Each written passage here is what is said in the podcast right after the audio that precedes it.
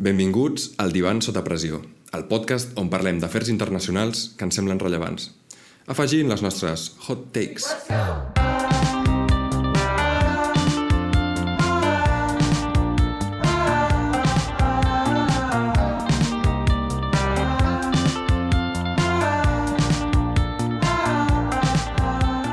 Soc el Joan i aquí al costat tinc l'Alberto.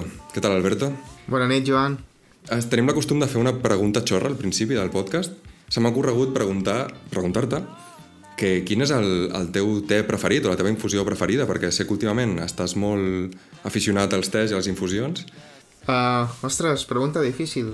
Uh, el meu preferit, doncs, uh, poder per disfrutar el que més m'està agradant és el, són els tés de Yosemite. Uh, N'hi ha de diferents tipus, però és que m'agrada molt, molt, molt fer teteres uh, que són com uh, això, de flors i tal, que després s'obren dins de la tetera i pots veure-la sencera. M'agrada moltíssim. Uh, i queda molt bé per penjar-ho a Instagram. I, bueno, de fet, me n'he comprat 100. Llavors tinc suficients per fer-ne 100 fotos.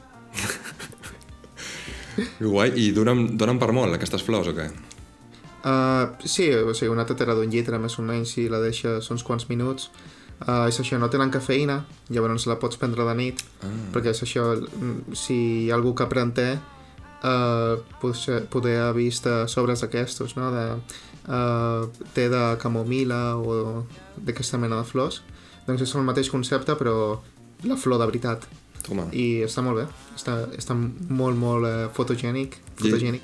Jo he vist fotos i és literalment com una cosa més decorativa, sembla més decoratiu que, que útil, però no sé, si està bo i tal, algun dia... Sí, el gust està bé, està suau i és això que no té cafeïna. Llavors, si alguna persona que no vol prendre un té de nit, un, un té roig o un té verd, mm. eh, és una bona alternativa. Jo, sol, jo, sol, jo estic bastant aficionat als roibos, que tampoc tenen taïna ni tal, i te'l pots prendre de nit, i...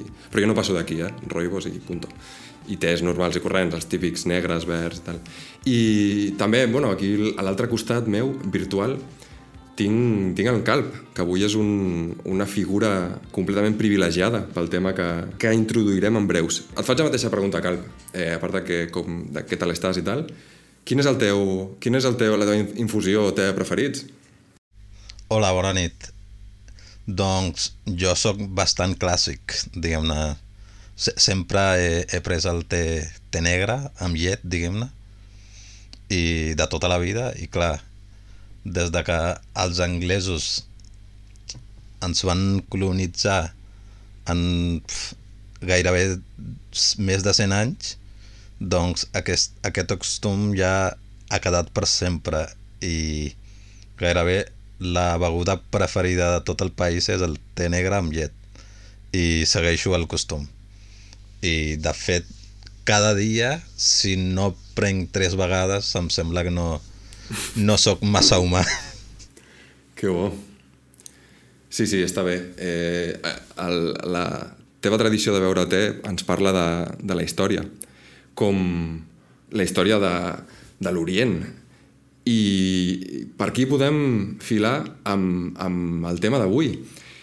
Desenes de milers d'agricultors dels estats del nord de la Índia han estat peregrinant cap a la capital per protestar per les reformes agrícoles.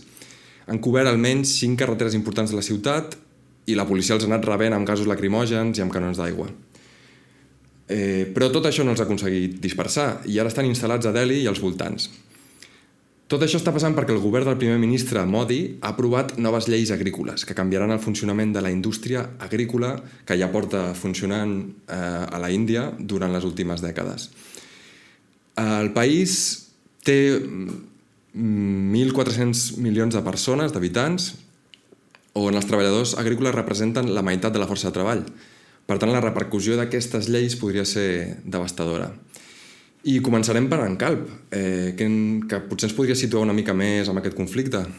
Doncs a mi em sembla un, un tema força, força complicat, ja que té un rerefons bastant complicat. De fet, els agricultors d'Índia, la gran majoria es concentra al, al Punjab. De fet, el nom és curiós. Punjab significa... Panj significa cinc i Ab sig- significa aigua. com n'hi ha una confluència de, de cinc rius, d'allà neix el nom. I per això la seva terra és bastant amigable per, per cultivar gairebé tots els cultius, que, tot el, totes les productes que es puguin.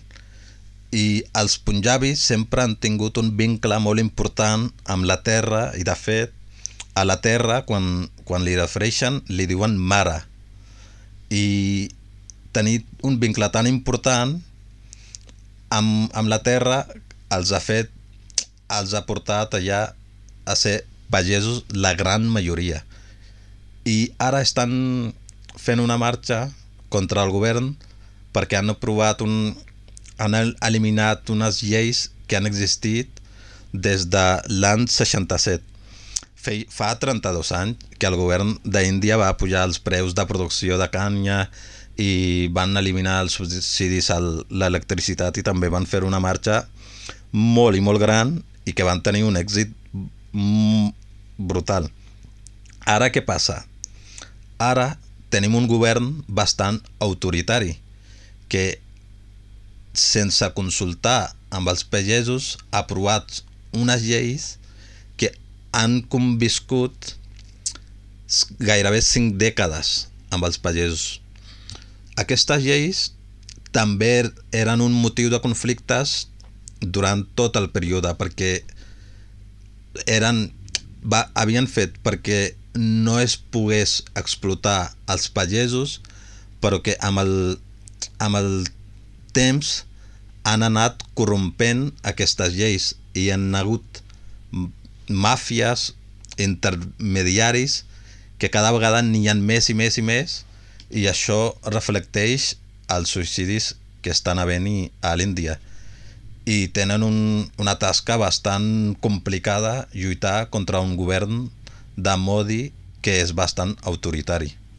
Bona introducció. Jo crec que abans de seguir eh, aprofundint amb, amb el tema, eh, ens podries, per exemple, Alberto, eh, situar més concretament en el conflicte? Què és el que ha despertat aquest conflicte i, i quins, quins són els orígens? bueno, tot i que el, el Calvi ja no ho ha comentat bastant, però bueno, quin, què apuntaries tu rellevant de tot aquest conflicte? Uh, per posar una mica la gent en situació del que estem parlant, uh, va haver-hi, degut al Covid-19, uh, una sèrie de, de lleis que es volien promulgar per, com per uh, ajudar la gent. Llavors, uh, aquestes tres lleis es van ficar una mica uh, per sota, com que no volien cridar massa l'atenció, però que eren per fer noves reformes al sector agrari. Aquestes reformes uh, anaven a canviar una mica el sistema, com ja comentava Calp, en temes de lliure mercat. Ara mateix uh, la Índia eh, no només eh, la pagesia, però també altres sectors, és un país molt proteccionista per la seva tradició nacionalista i aquestes lleis anaven una mica això, a liberalitzar el mercat després de bastantes dècades on ha estat eh, això, protegit. Aquestes lleis eh, contenien coses com que es podia vendre eh, productes entre diferents estats dins de la Índia, uh, una cosa que avui està molt, uh, molt limitada. Uh, també que els intermediaris, diguem, podien emmagatzemar més producte, uh, perquè això podria ajudar, per exemple, amb el tema del Covid, han tingut molts problemes a l'hora de poder abastir uh, d'aliments a, tot el, a tot el país.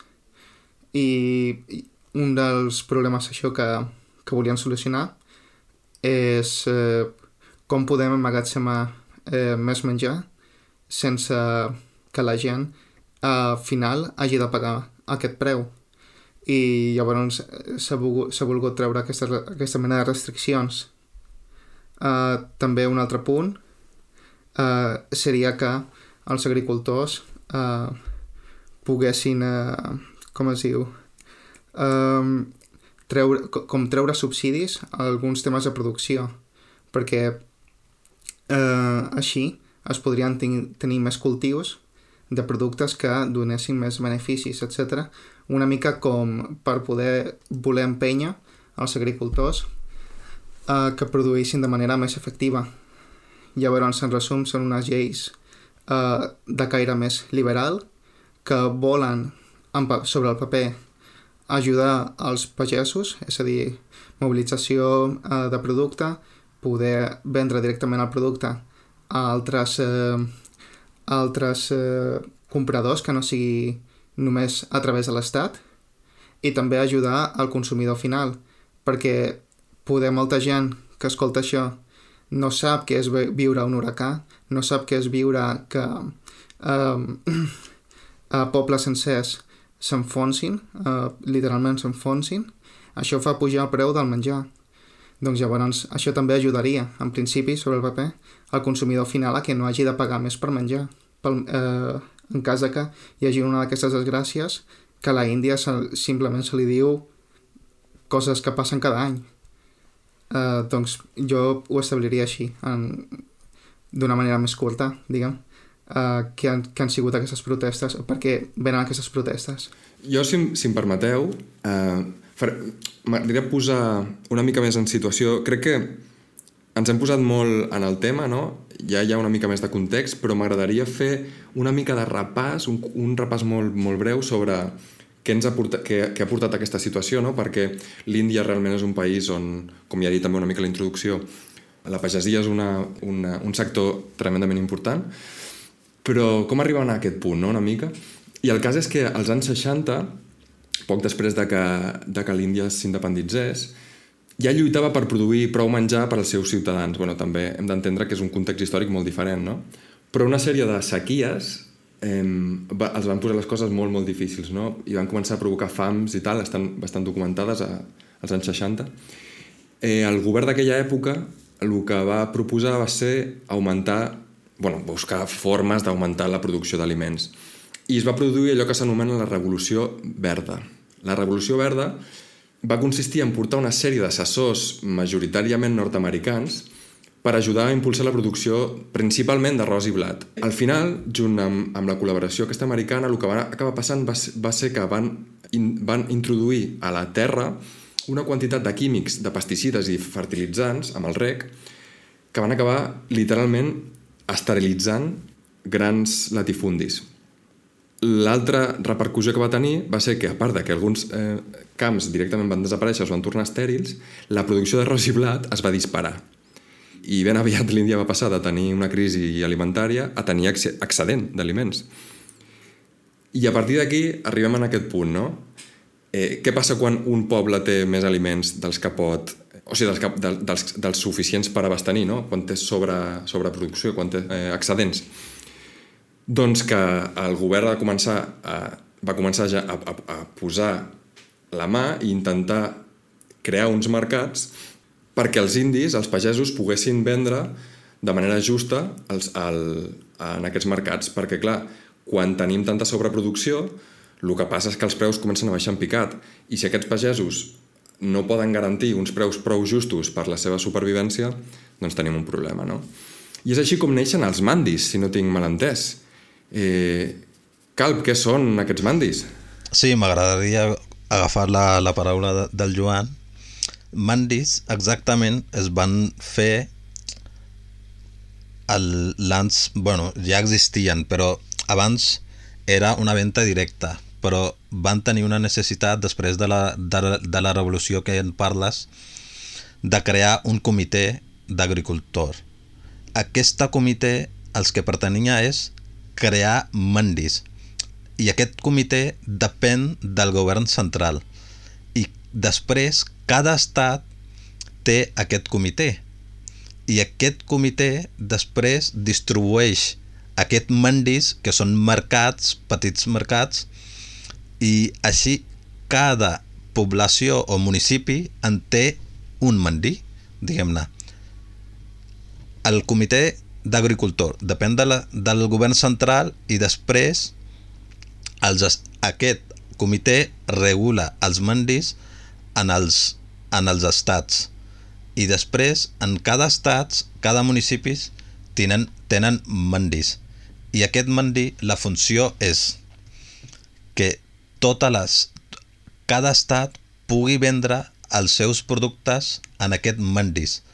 No puguin fer un intercanvi, diguem-ne, un estat, estat de Punjab no pot vendre, diguem-ne, un pagès de Punjab no pot vendre el seu producte a Maharashtra o Kerala, que són altres estats. I clar, van crear aquest comitè per controlar tot això. Què passa? Amb el temps s'ha anat corrompent, com, com he dit abans, que n'han hagut, n'ha hagut massa corrupció i van haver-hi massa intermediaris. L'arran d'això, cada any n'hi ha manifestacions per part de pagesos. Per què? Perquè aquests mercats es van crear amb propòsit de que no es pugui explotar el pagès. Però què ha passat?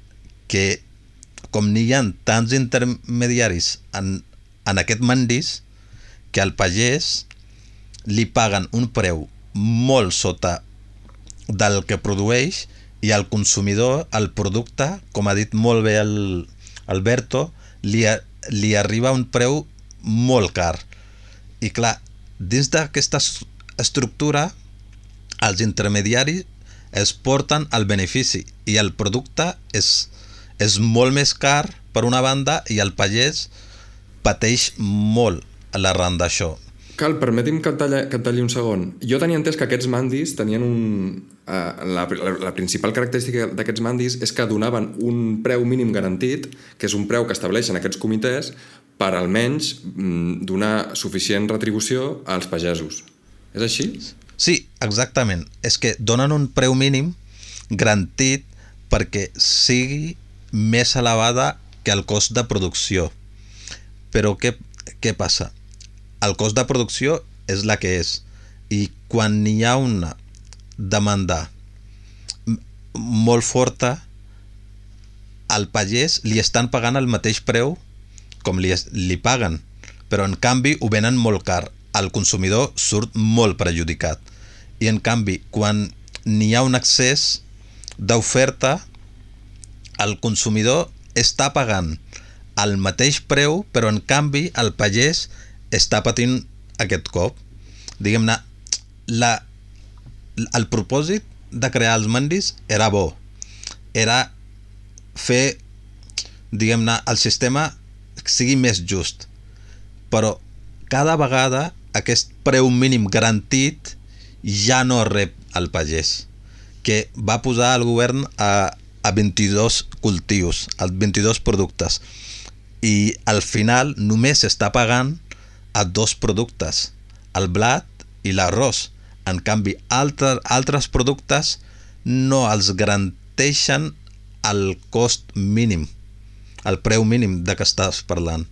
I aquest és el problema de la marxa. El punt clau és que el govern estableixi el preu mínim garantit perquè el pagès no pateixi per per produir, per produir més i no hagi d'agafar diguem-ne, els crèdits dels bancs. En, en aquest cas, els bancs no els donen els crèdits. Dins del mandis, dins del mandis, aquest mercat, existeix una altra figura que es diu Arti.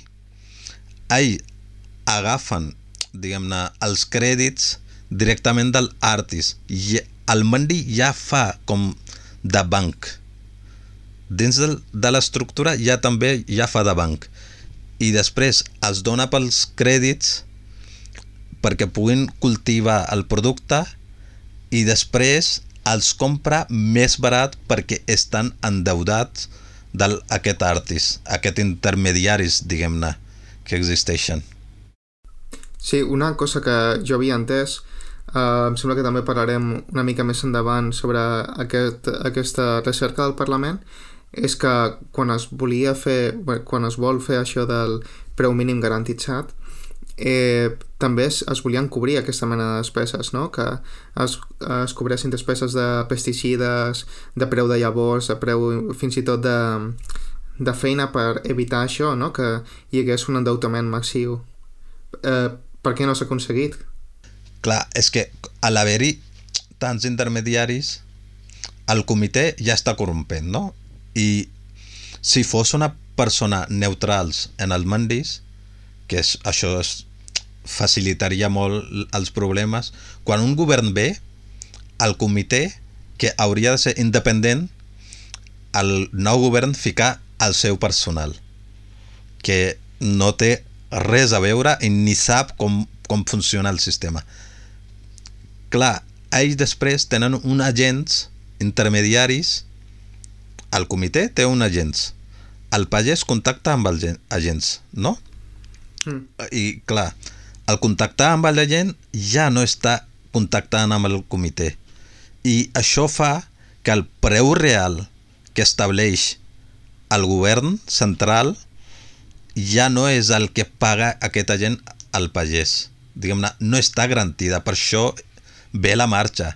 I, per, I ara que han aprovat aquestes tres lleis per alliberar el mercat, els pagesos temen que en el, un futur no gaire allunyà es creï un monopoli.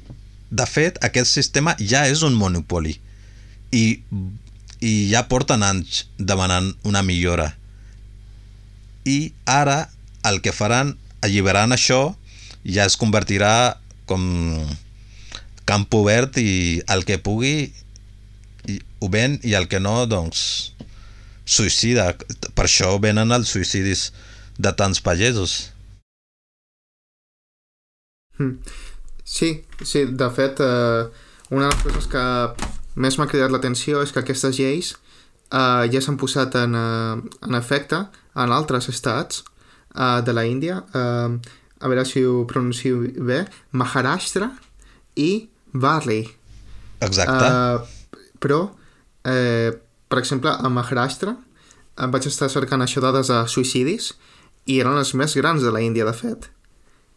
I també eh, una mica això, no?, que cerquen, eh, cerquen millorar les condicions dels, eh, dels pagesos i a Barley, per exemple, vaig trobar que s'estaven venent la majoria de productes, em sembla que tots, a un ràtio de eh, 1, de 8, 1,8 1 a 1,8 eh, menys del preu mínim garantit.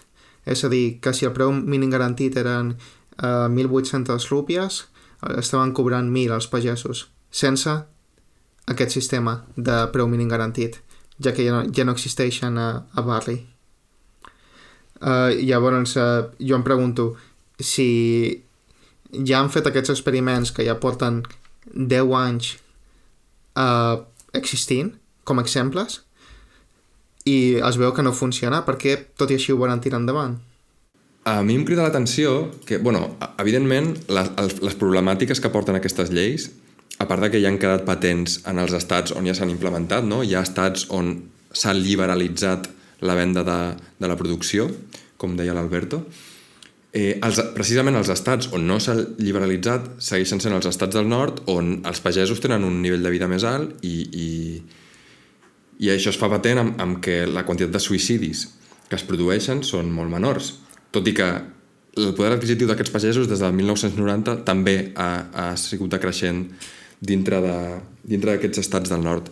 Hi ha una cosa curiosa que és que una de les coses que lliguen els pagesos a haver de demanar crèdits, com ho explicava el Calp, és que des de, des de la Revolució Verda els, les llavors que s'utilitzen, que són llavors hibridades perquè, perquè donin més producció, una de les claus d'aquest aquest augment de, de la producció, són llavors que es diuen Terminator.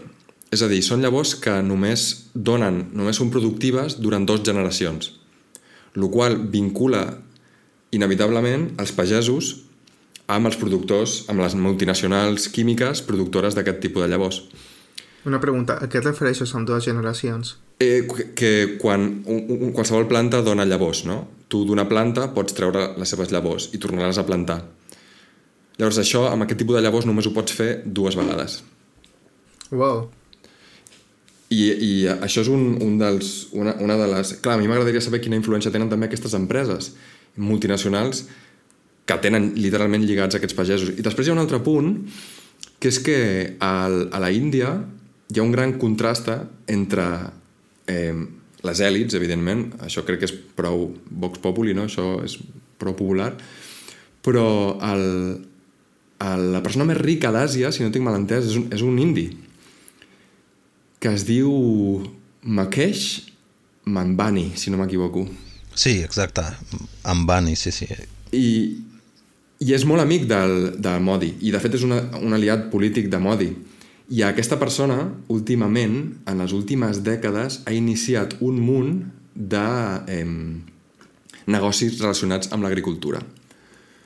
Jo em pregunto, eh, i de fet la segona persona més rica de la Índia també és un aliat polític molt important de Modi, es diu Adani, si no m'equivoco, i també ha començat a fer, a crear, a, a desviar molt, molt, molt, molt, eh, molt, molt de capital en crear noves infraestructures i nous negocis relacionats amb l'agricultura. Jo crec que això pot ser, pot ser un dels motius per als que el govern de Modi fa, li dona, com ell diu, aquest regal al seu poble, no? Aquesta liberalització, que no és més que una política tremendament neoliberal, donaria molt de poder en aquestes empreses eh, que sorgeixen ara noves i que podrien literalment ser elles qui decidissin quin és el preu de, tant de, de la venda al, al, al majorista com, com de la compra al pagès. I, i ells mateixos, el, com ha explicat l'Alberto, el poder incrementar la quantitat de producció que poden emmagatzemar, podrien modificar artificialment el preu del, del gra. Sí, sí, és que el que dius, el, el contacte d'en Bani amb Modi, a mi m'ha cridat l'atenció perquè són bastant aliats els dos.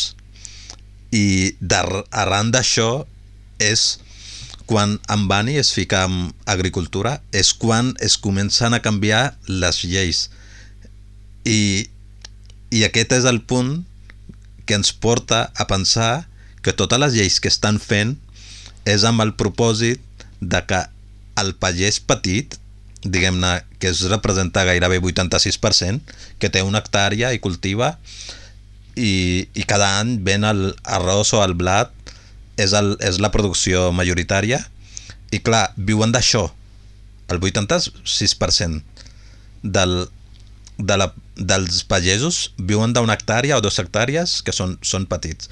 Però clar, a l'entrar un, un, un gegant com, com en Bani canviaria tota l'estructura. Aquest pagès que representen 86%, que només en tenen 14%, 14 del volum, desapareixerien. I clar, es cre crearia un monopoli directament. Diguem-ne, al llarg plaç crearà un monopoli.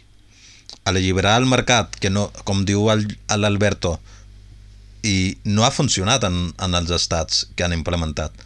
I, I per això és la pregunta, per què ho volen implementar aquí?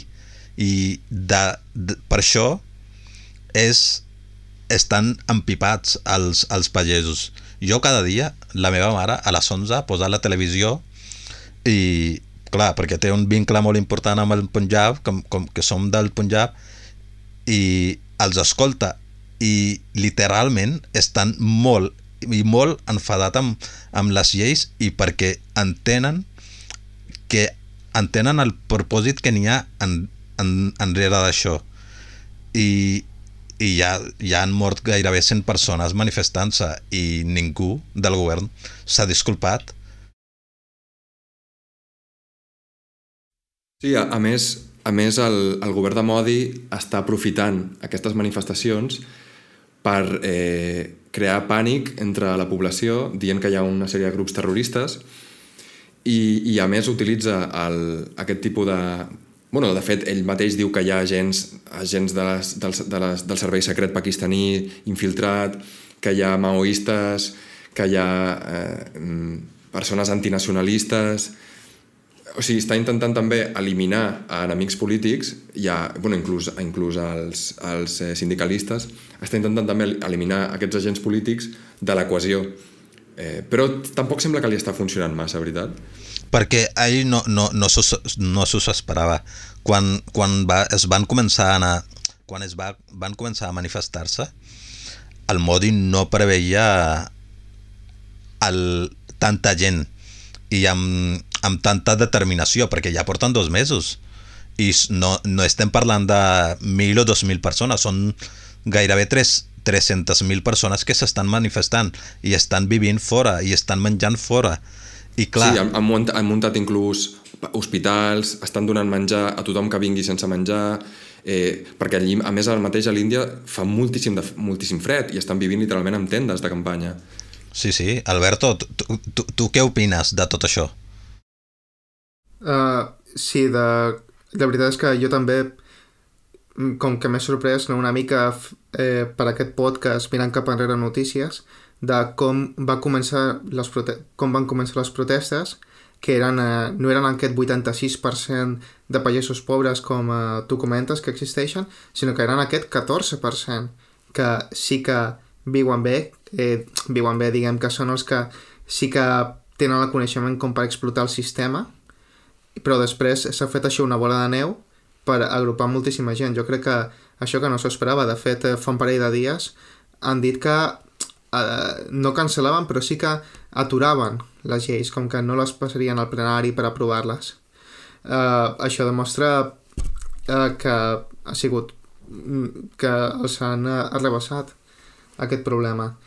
Ara ens apropem cap al Dia Nacional de la Índia, el Dia de la República de la Índia, on diuen que volen eh, entrar fins al cor de Delhi.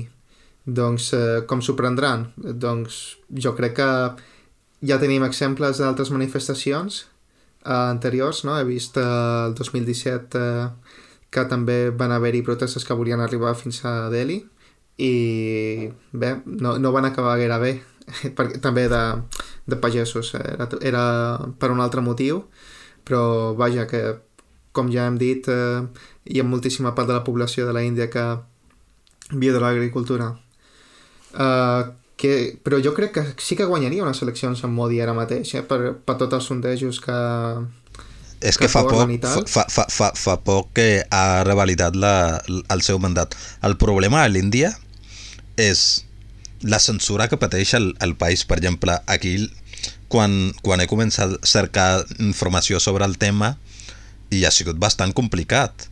Jo, perquè està relacionat amb, amb, amb Punjab de tota la vida i l'altre dia vam anar a la manifestació del, que, que va haver-hi a, a Barcelona.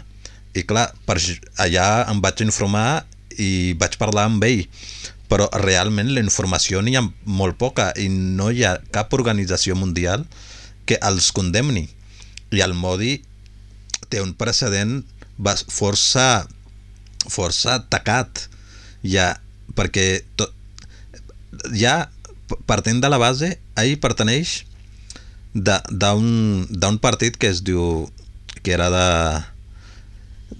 RSS que van crear només el propòsit d'aquesta organització o aquest partit polític és que només puguin governar els hindus i el Modi ve d'aquest partit.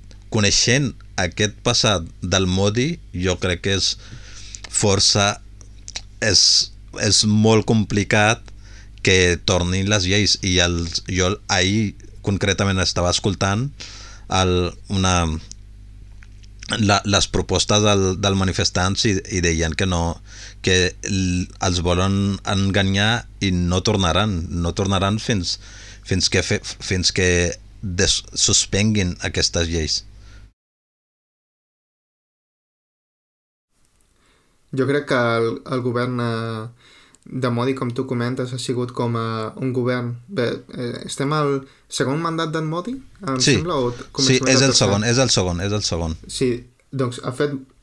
Ha sigut el govern de les grans reformes, no? però també dels eh, grans nyaps en aquestes reformes. Jo crec que la pri el primer cop que es va començar a sentir una mica d'ell va ser una reforma aquesta monetària, on volia treure com a...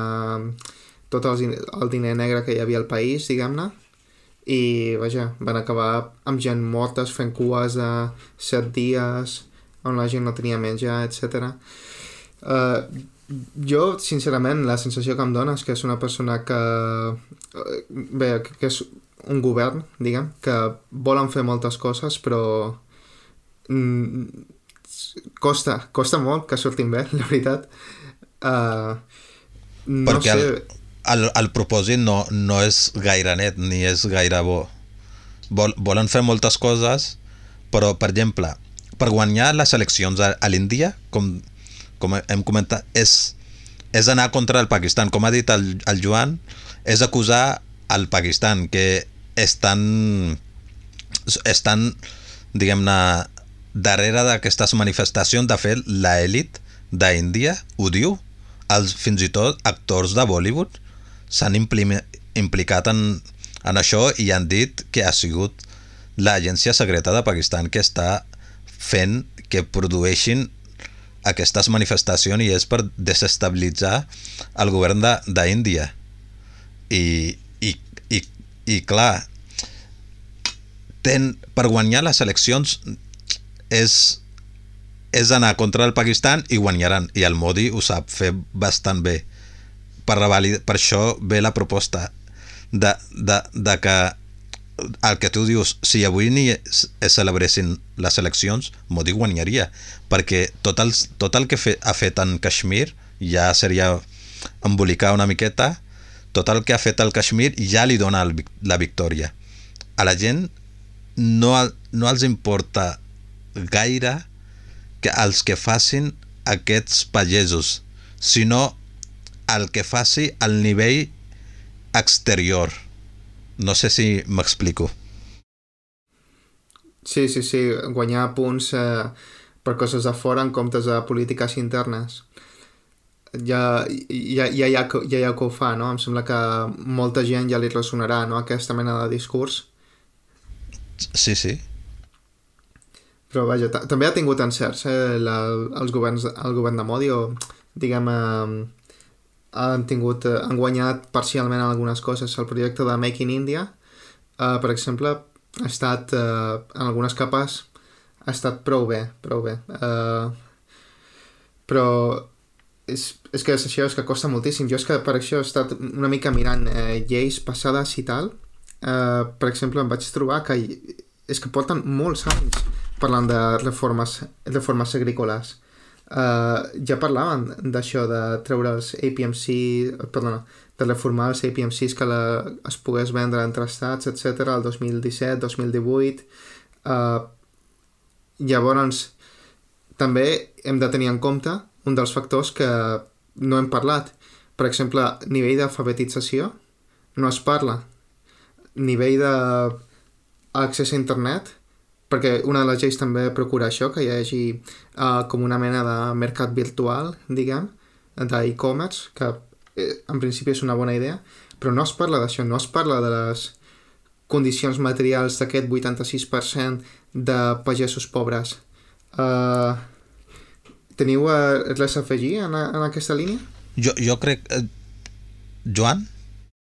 No, no, jo molt, molt d'acord amb el que dieu. Jo només apuntar una mica que qui no conegui el Modi, eh, el primer ministre de, de la Índia, eh, s'ha d'imaginar un personatge que és tremendament nacionalista, no? A, a, potser a, aquí a, a, a l'Occident la forma més fàcil d'entendre-ho seria pues, entendre una mica els moviments ultranacionals que estan apareguent a, arreu d'Europa i d'Estats Units i de, inclús d'Amèrica Llatina i, i veure una persona mm, amb un perfil el, que aquí diríem molt racista, no? molt supremacista eh, incrementa, és una persona que, que ha, ha contribuït molt a incrementar el, la, la, les castes, no? el, el sistema de castes a la Índia, que és una, un dels motius que, o sigui, una de les causes que, que forcen a que hi hagi una diferència, que hi hagi una diferència molt gran entre, entre rics i pobres a la Índia i el perfil d'aquest senyor pues, és bastant deplorable, tot i que, com, com diu l'Alberto, ha pogut fer coses bé, perquè una de les característiques que té és que aquest nacionalisme el que fa és intentar desvincular-se de totes, tots els poders exteriors i donar més prioritat a, a les empreses i als poders nacionals. Exacte, el, el que dius és que el Modi per exemple, el, el, com deia Alberto, ha fet coses molt bones a nivell tecnològic i diguem-ne, les coses bones per la elit però en canvi Que tampoc és, que tampoc és dolent, en principi. No, Si no és dolent, sí, sí, a tot sí. el país. si, si beneficien a tot el país, clar, no és dolent, però els, els problemes de, de, al nivell baix no, no s'ha preocupat massa. Per exemple, tot i això, semblaria un, una miqueta curiós que encara, mm, em sembla l'altre dia estava llegint que 60% de població no té accés al lavabo. Diguem-ne, coses com aquestes que són molt necessaris i mm, encara el, les necessitats bàsics no estan co cobrits. No, no, no sé si m'enteneu, saps? Sí, sí, completament. completament. De, de fet, el, el, a la- l'agenda 2030, un, un dels objectius eh, a nivell mundial és acabar amb el, el no tenir un lloc on anar a fer les teves necessitats, perquè al final s'acaba convertint en un, un dels focus de, de malalties més grans que hi ha, que hi ha avui en dia. I, Grup, i és grup 2030? Agenda 20, 2030, no? Es diu? La, eh, los ob objectius del 2030 o alguna així, no? Si No, tinc no, mal ho conec, no ho conec. Podries uh, explicar què Sí, és? eh, bueno, és una sèrie de... Bueno, eh, crec que està impulsat per, per la ONU.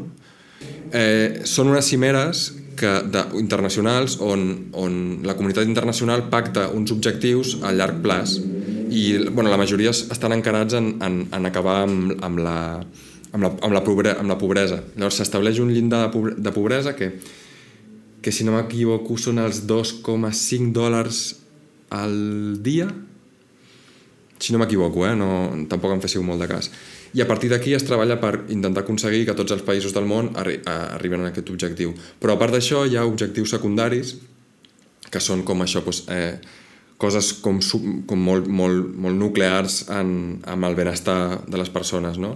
Pues, accés a vacunes, eh, eh, reduir la mortalitat infantil, incrementar... O sigui, tot això són baremos, no? Eh, incrementar eh, l'alfabetització i un dels punts, precisament d'aquesta agenda, és acabar amb la, aquestes zones que al final acaben sent com una espècie de pous a l'aire lliure on les persones van a fer les seves necessitats i, i com que allò no es neteja mai acaba sent una font d'infeccions a part, allí les noies eh, van a, a fer les seves necessitats també nues i també és un lloc on, on es produeixen moltíssimes violacions al produir-se violacions en un àmbit molt contaminat acaben sent moltes malalties que acaben normalment amb, amb moltes morts en fi, em refereixo que no són, no són temes trivials. Vull dir, el fet de, de, de fer les teves necessitats a l'aire lliure no és un tema trivial, com podria semblar a primer cop de vista. I, i és d'això, una mica del que no s'està preocupant el Modi.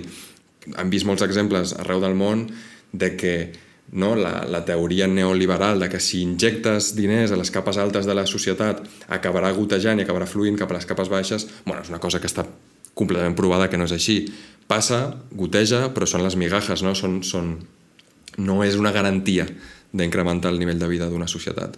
Sí, però hem de recordar que tampoc que, com es diu, que no sembli que li fiquem massa canya en Modi com per fotre- fotre-li totes les culpes perquè, com ja he comentat, eh, temes d'alfabetització, d'accés a internet també són d'altres administra administracions anteriors eh, i fins i tot vaja, eh, com has començat tu a, a parlar de, de que convidaven a empresaris eh, nord-americans, etc. també tot això és a priori ho, ho dic eh, per la gent que ens escolti que no pensi que tots els problemes que pateix la Índia són d'ara diguem No, no, clar, ni molt menys.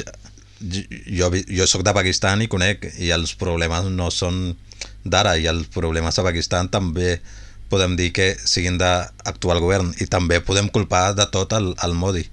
Només deia que és un, una persona autoritari que li costarà tornar per, per el gran vincle que té amb, amb els empresaris grans, costarà molt que, que suspenguis aquestes lleis. I clar, tornant al, al tema, el que haurien de preocupar és sobre els suïcidis d'agricultors, perquè de, fin, des de, em sembla, 900, 1995 cap a 2015 s'han produït gairebé 300, 300.000 de suïcidis en, en agricultors i això no és una dada menor. I de fet en els, en els últims 5 anys ha incrementat a, a, a aquest, aquest rati, aquest percentatge de suïcidis. En lloc de tor en lloc de tornar a concretar sobre enfocar sobre el problema aquest alliberar el mercat jo crec que no, no és una bona solució. Jo crec que la solució passa eh, sobretot per, perquè es centrin perquè he vist com molt, molt de caos en el sentit de això de com vols fer un mercat eh, virtual sense que tingui accés a internet, eh, tinguin accés a internet a aquesta pagesia i fins i tot que no sàpiguen llegir o escriure. És a dir, les lleis, si les llegiu, és que són molt bones tant pels pagesos com pels consumidors. Òbviament hi hauria perdedors, però vaja, és que, és que és això que sembla que que sigui eh, més un wishful thinking, no? que vulguin eh, dir com que això està escrit funcionarà sí o sí, quan no és així. De fet, la, la gran majoria del que parlàvem abans, el 86% dels pagesos que són, són menors, no, no saben les lleis que existeixen i els pro protegeixen. N'hi ha molts lleis que els, els protegeixen i de fet el sistema de comitè d'agricultors és molt bo, protegeix el pagès. El problema és que si, si no s'apliquen bé, no s'apliquen bé, el sistema acaba patant, diguem-ne, explota i és el que està passant. No, no s'han no s'han aplicat les lleis que existien i els pagesos, al no tenir prou informació sobre aquestes, els intermediaris i els comitès, tots i els partits polítics han aprofitat i han beneficiat d'aquest de, de, desconeixement dels pagesos. Mm, i, I estic completament d'acord. Estic completament d'acord. Eh, a més, és que recordem que la majoria, com, com ja has comentat, vaja, eh, 50% de la gent treballa directament a la pagesia, fins a un 60x% treballen indirectament, és a dir, eh, a la pagesia.